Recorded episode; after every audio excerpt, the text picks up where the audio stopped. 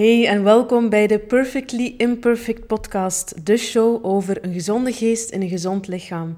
Ik ben Julie van de Kerkhoven, plant-based chef, coach en auteur en ik breng je op dinsdag tips, ervaringen en inspiratie over voeding, beweging, mental health en spiritualiteit met een knipoog.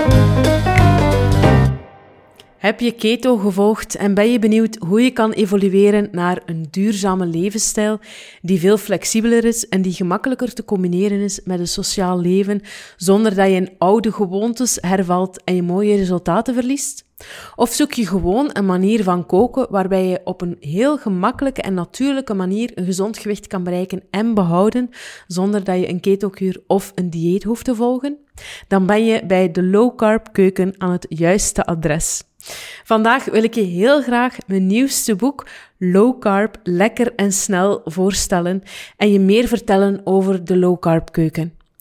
In mijn vorige boeken, het Keto-plan, Go Keto, Keto in 15 minuten en Keto in 15 minuten mediterraan, ontdekte je al wat keto precies is en hoe het je kan helpen om je energie te verhogen, suikerafhankelijkheid en hardnekkige cravings te doorbreken en vooral ook hoe je overtollige kilo's kan kwijtspelen zonder honger te lijden.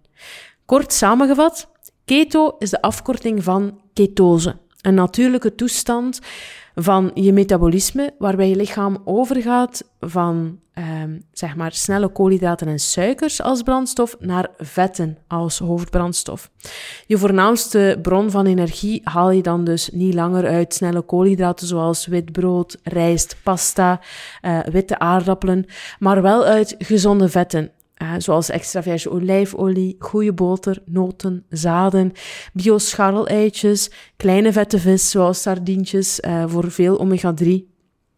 En ketonen, dat zijn dan energiemoleculen, eigenlijk een alternatieve brandstof naast vetten, eiwitten en koolhydraten. Die worden aangemaakt in je lever als je vetten gaat verbranden. Dus het is eigenlijk een beetje een bijproduct, zeg maar, wanneer je je voeding weinig koolhydraten bevat en veel goede vetten. Keto zie ik nog altijd als een korte termijn kuur heel waardevol om over te stappen van suikerverbranding naar vetverbranding. Het helpt om die overtollige kilo's gemakkelijker kwijt te spelen, Zeker ook om zin en zoet te verminderen. Dat was voor mij een van de grootste effecten. Het helpt ook om je concentratie te verbeteren en zeker ook je ontstekingsgraad te verlagen. Heel belangrijk voor een, sterke, een sterk immuunsysteem, een goede gezondheid, dat je, dat je ontstekingsgraad zo laag mogelijk is. Um, dat maakt het ook wel, dat is ook wel het grote verschil tussen bijvoorbeeld een proteïnedieet en keto. Want binnen een proteïnedieet kan je ook in ketose gaan. Maar het unieke aan keto is dat je ontstekingsgraad ook enorm verlaagd wordt. En dat heeft ook op langere termijn heel veel voordelen op vlak van immuniteit en gezondheid. Je ontdekt er natuurlijk veel meer over in, uh, in mijn ketoboeken. Maar wat na zo'n ketokuur? Dat is een vraag die ik heel vaak krijg van Julie. Ah, ik hou van de recepten. Um, ik ben eigenlijk heel goed met keto, maar ik wil nu toch wel liever evolueren naar een iets flexibeler levensstijl. Wat, wat, wat eet ik nu eigenlijk best na keto? Hoe begin ik daaraan? Ik zoek eigenlijk een levensstijl die gemakkelijker te combineren is met het sociaal leven, want dat maakt het toch gemakkelijker met mijn gezin of kinderen of met mijn vrienden wil ik ook eens uit eten gaan en hoe kan ik dat dan het beste gaan combineren? Of, ja, dat ziet er allemaal wel goed uit, maar die strenge keto, dat is toch niets voor mij. Ik zoek eigenlijk een meer een gematigde vorm, um, dat beter matcht met mijn lichaamstype of ik sport heel veel en ik heb dus wel ook meer koolhydraten nodig. Hoe begin ik daar dan aan? Wel, daar wil ik je met mijn nieuwe boek bij helpen. Keto is een manier van eten waarbij je je koolhydraten heel sterk beperkt en vervangt door vooral veel gezonde vetten.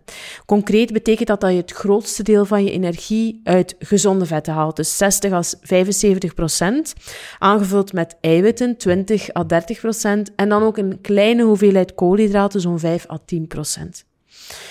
De low carb levensstijl, zoals de recepten in mijn nieuwe boek, dat is veel gematigder. Um, de hoeveelheid koolhydraten per dag bij de low carb keuken schommelt tussen de 50 en 120 gram.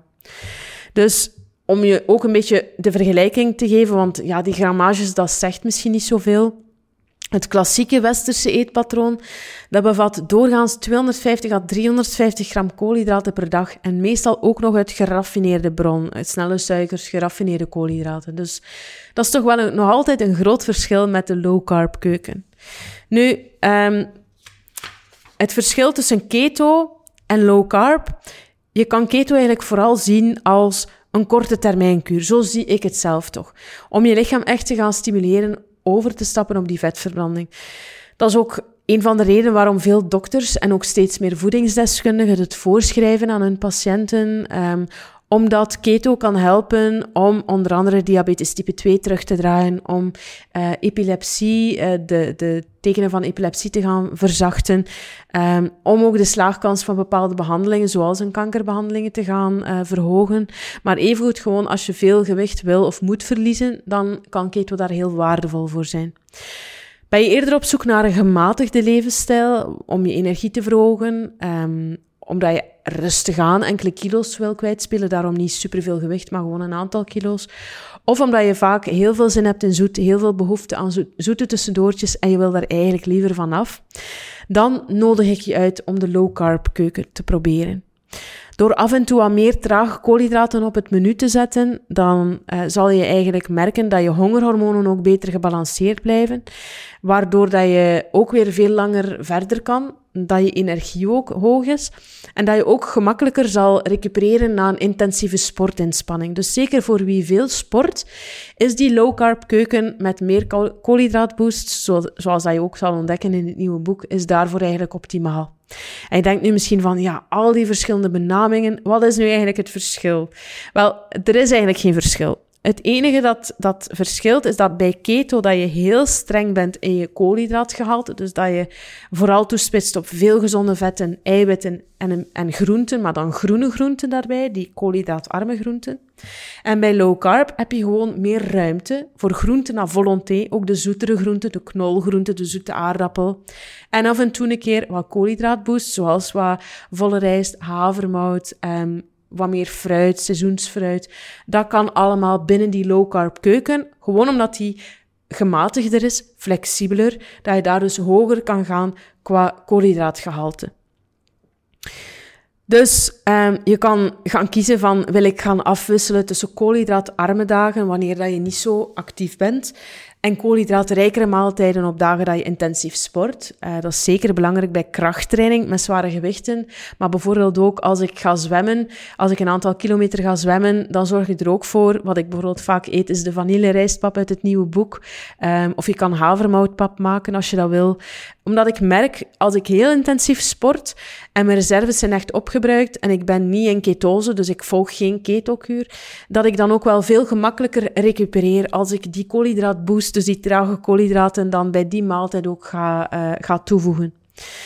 Je kan ook gewoon koolhydraatrijkere maaltijden beperken tot één à twee dagen in de week. Sommige mensen doen dat tijdens het weekend omdat ze graag uit eten gaan. Dat kan allemaal. Durf gewoon te experimenteren. Kies wat dat er voor jou het beste werkt. Hoe zit dat nu precies met die koolhydraten, vraag je je misschien ook af. Wel, in een vorige aflevering ging ik al dieper in op het hele thema van koolhydraten, want vaak bestaan daar heel wat misverstanden rond. En ja, het woord koolhydraat op zich wordt vaak al geassocieerd met eigenlijk alles wat geraffineerde koolhydraten zijn, zoals brood, pasta, ontbijtgranen, koffiekoeken. Um, dat wordt vaak met het woord koolhydraat uh, ge geassocieerd. Maar ook groenten, fruit, peulvruchten, noten, zaden en andere ingrediënten, die bevatten ook allemaal koolhydraten. Ons lichaam heeft die trage koolhydraten ook echt nodig om goed te functioneren. In het bijzonder omdat ze veel vezels bevatten, die onder andere je darmwerking ook gaan ondersteunen. Dus daarom is het ook heel belangrijk om te beseffen dat je geen jaren aan een stuk een ketokuur best volgt, want dan ga je ook bepaalde darmbacteriën die um, heropleven, die, die echt uh, ja, goed, goed functioneren dankzij trage koolhydraten, ga je die misschien te veel verarmen. Dus uh, je kan keto zien als die korte termijnkuur die een aantal maanden kan volgen, maar daarna zou ik je toch adviseren om over te stappen op die flexibele gematigde low carb keuken zoals in mijn nieuwe boek, omdat je dan ook weer je darmflora, je darmgezondheid uh, optimaal gaat ondersteunen. En dat heeft natuurlijk een invloed op heel veel uh, dingen, niet alleen je humeur, maar ook je energie, hoe goed dat je je vel voelt, je concentratie, dus alles hangt eigenlijk een beetje samen. Het gaat er dus hem vooral om welke koolhydraten dat je kiest, ook ja, uh, wanneer dat je ze eet. Bijvoorbeeld na sport ga je ze ook gemakkelijker verbranden. Maar om vooral te kiezen voor die trage, complexe koolhydraten. En die snelle, geraffineerde koolhydraten zoveel mogelijk links te laten liggen. Wel, waarom vraag je je misschien af, uh, wat is er nu eigenlijk mis met suiker? Wel, ik zou niet zeggen van je moet alle suikers schrappen. Daarin kan je zelf vrij gaan kiezen. Ik denk dat we allemaal vrij zijn om daarin te kiezen wat er voor ons het beste werkt. En sommige mensen hebben gewoon een hogere koolhydraattolerantie. Daarover ontdek je ook meer in een vorige podcast en in ons Food Freedom programma via foodfreedom.be. Maar snelle koolhydraten wil je over het algemeen wel meer gaan beperken omdat ze enerzijds suikerverslaving vaak in de hand werken en ook insulineresistentie. Wat wil zeggen, dat is eigenlijk het voorstadium van suikerziekte type 2, van diabetes type 2. Um, ehm, en daardoor kan je ook sneller in gewicht bijkomen. Wat ook typisch is voor snelle geraffineerde koolhydraten en zeker snelle suikers, is dat ze je een vals gevoel van energie geven, waarbij dat je tijdelijk een high krijgt, maar op lange termijn gaan ze je eigenlijk je energiereserves gaan uitputten en ook vaak je bijnieren verzwakken, waardoor je chronisch vermoeid kan voelen. Dat was een van de redenen waarom ik in het verleden als studenten ook bijnieruitputting en chronische vermoeidheid had, omdat ik heel vaak eh, maaltijden oversloeg of in plaats van dat ik een gebalanceerde maaltijd at als studenten op kot, nam ik bijvoorbeeld uh, een liter yoghurt met heel veel zoet fruit.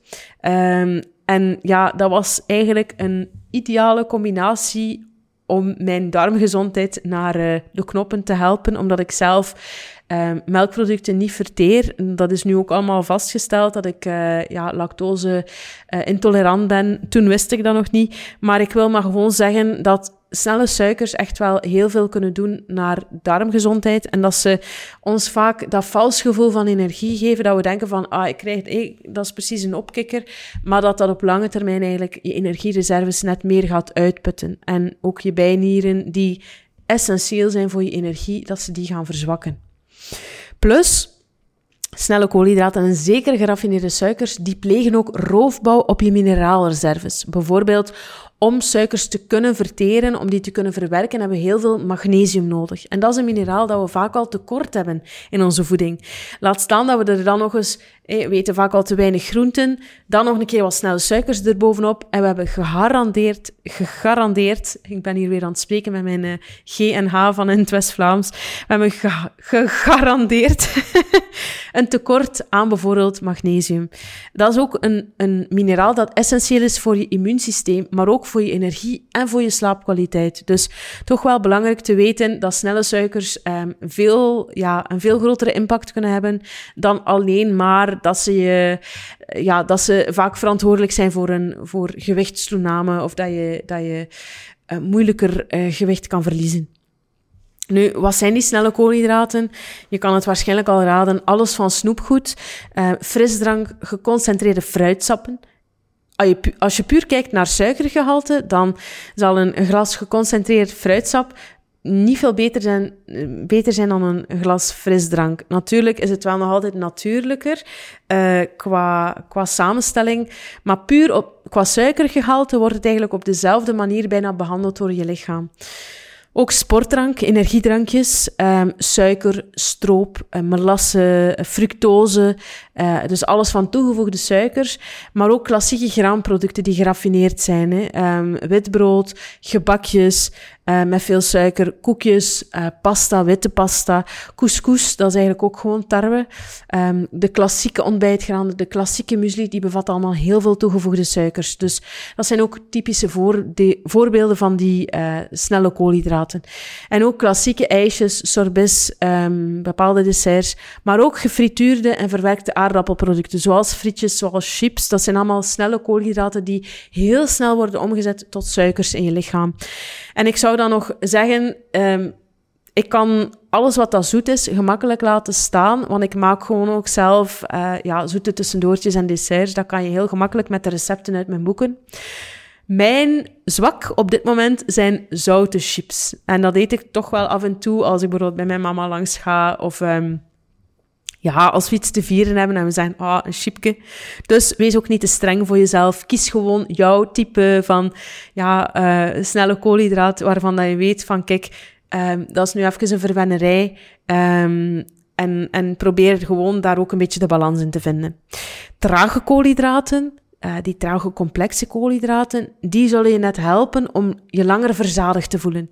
Dus die snelle, suikersnelle koolhydraten, die gaan vaak je hongerhormoon verhogen en je verzadigingshormoon verlagen, waardoor dat je het gevoel hebt dat je kan blijven eten. Dat is zo typisch, vind ik, voor klassieke taart, klassieke koekjes, heel zoete chocolade ah, je begint met een stukje en je denkt, ah, ik heb zin in nog een stukje of nog een koekje. En voordat je het weet, is de halve pak leeg. Dat komt omdat je hormoon, die hongerhormonen erdoor gestimuleerd worden. Bij trage complexe koolhydraten, die heel veel vezels bevatten, die zullen er net voor eh, zorgen of die zullen helpen om je langer verzadigd te voelen. Um, ze zullen ook je darmgezondheid ondersteunen en ze helpen ook om sterke spieren op te bouwen. Dus je hebt eigenlijk heel veel voordelen. Nu, je vraagt je misschien af, wat zijn dan die trage koolhydraten? Want ik weet nu wel al, eh, alles dat geraffineerd is, wat dat te maken heeft met snoepgoed en suikers, dat zijn snelle koolhydraten. Alles wat dat witbrood is, eh, alles wat dat meer wit is, dat zijn die geraffineerde koolhydraten. Maar wat zijn nu die trage? Voorbeelden van trage koolhydraten, alle groenten. Je zou dat misschien niet denken, maar alle groenten bevatten trage koolhydraten. Alle knollen ook. Dan heb ik het over wortel, um, pastinaak, rode biet. Ah, wat heb je zo nog? Knolselder, aardbeer, dus alle knollen en zoetere groenten, zoals ook zoete aardappel of zoete bataat wordt het ook wel genoemd, want eigenlijk is het geen familie van de gewone witte aardappel, uh, maar is het eerder verwant aan yams. De, ja, dat zijn zo van die grote wortels, dus eigenlijk bataten of zoete, zoete wortels. Dan heb je natuurlijk ook pompoen, noten en zaden. Uh, die bevatten ook trage koolhydraten, natuurlijk met mate, um, maar ook daar vind je koolhydraten. Zeker uh, bijvoorbeeld de cashew, al is dat eigenlijk geen noot, dat is eigenlijk een peul, maar die is uh, het rijkst in koolhydraten. Ook pijnboompitten en pistachenoten. Dat zijn eigenlijk um, ja, pitten en noten die heel rijk zijn aan trage koolhydraten. En dan natuurlijk fruit. Binnen de low carb keuken gebruiken we vooral vezelrijk fruit met een laag fructosegehalte, met een lager suikergehalte, zoals alles van rode vruchten, frambozen, braambessen, bosbessen, aardbeien, uh, maar ook bijvoorbeeld meloen bevat iets minder uh, suiker, pruimen, nectarines, uh, perzik, dus meer het seizoensfruit dat je bij ons ook vindt, en ook limoen, citroen, dus die citrus die wat zuurder is. dat is allemaal fruit met een lager suikergehalte. Daarnaast zijn er dan ook nog de koolhydraten die een beetje tussenin liggen. Eigenlijk een groep die niet binnen een strikte ketokuur past, um, maar je kan ze wel na een ketokuur binnen die gematigde low carb levensstijl wel af en toe toevoegen aan je maaltijden als koolhydraatboost, bijvoorbeeld voor of na het sporten na een intensieve sportinspanning. Um, wie beter functioneert met wat extra koolhydraten, bijvoorbeeld het ectomorf lichaamstype, daarover ontdek je ook meer in een vorige aflevering, die zal zeker baat hebben bij deze koolhydraten.